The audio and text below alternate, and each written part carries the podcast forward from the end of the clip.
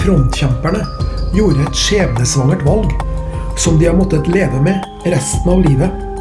Men historiene deres er verdt å lytte til likevel.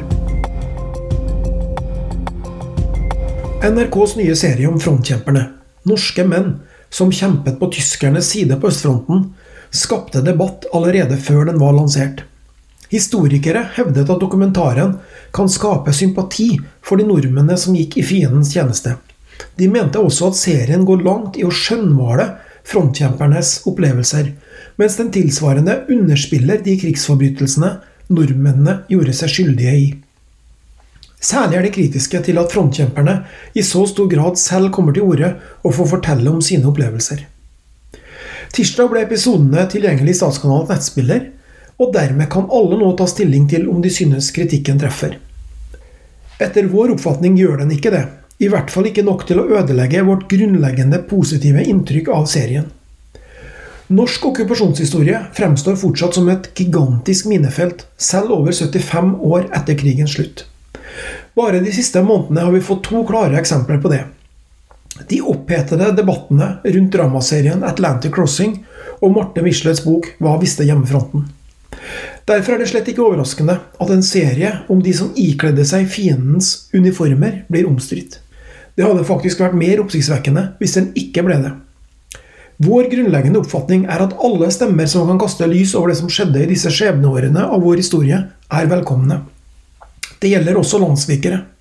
En gruppe som frontkjemperne helt klart er en del av. Selv om de stilte seg på gal side i vår nasjons skjebnetive, så er erfaringene og refleksjonene deres verdifulle å lytte til. Det sies ofte at det er seierherrene som skriver historien, og det er det mye sant i. Den seirende parts fortellinger, verdier og oppfatninger vil helt naturlig dominere. Men for å gjøre bildet mer komplett hører også tapernes perspektiv inn. Hvorfor handlet de som de gjorde? Hvilket verdensbilde hadde de? Og hvordan ser de i dag på de valgene de tok den gangen? Vi mener de har gjort en meget god journalistisk jobb ved å få alle disse gjenlevende frontkjemperne til å stille opp foran kamera. For her stiller de altså åpent frem, med navn og bilde, til tross for dommene de fikk etter krigen. Disse mennene, som nå er langt oppe i 90-årene, forteller om den avgjørelsen de tok i unge år, men som helt sikkert har preget dem siden. Og noen forsvarer faktisk fortsatt det de gjorde. Serien Frontkjempere er rett og slett en gullgruve for alle som er interessert i krigshistorien vår. Men selvfølgelig skal også intervjuobjektene møte motstand og kritiske spørsmål. Sånt kunne det nok godt ha vært mer av, og det har kritikerne rett i. Spesielt stiller vi oss undrende til påstanden fra en av ekspertstemmene i serien, statsviteren Stein Ugelvik Larsen, om at frontkjempere nærmest ikke visste hva de verbet seg til. Vel, de var i hvert fall klar over at Norge var okkupert, og at de gikk i tjeneste for fienden.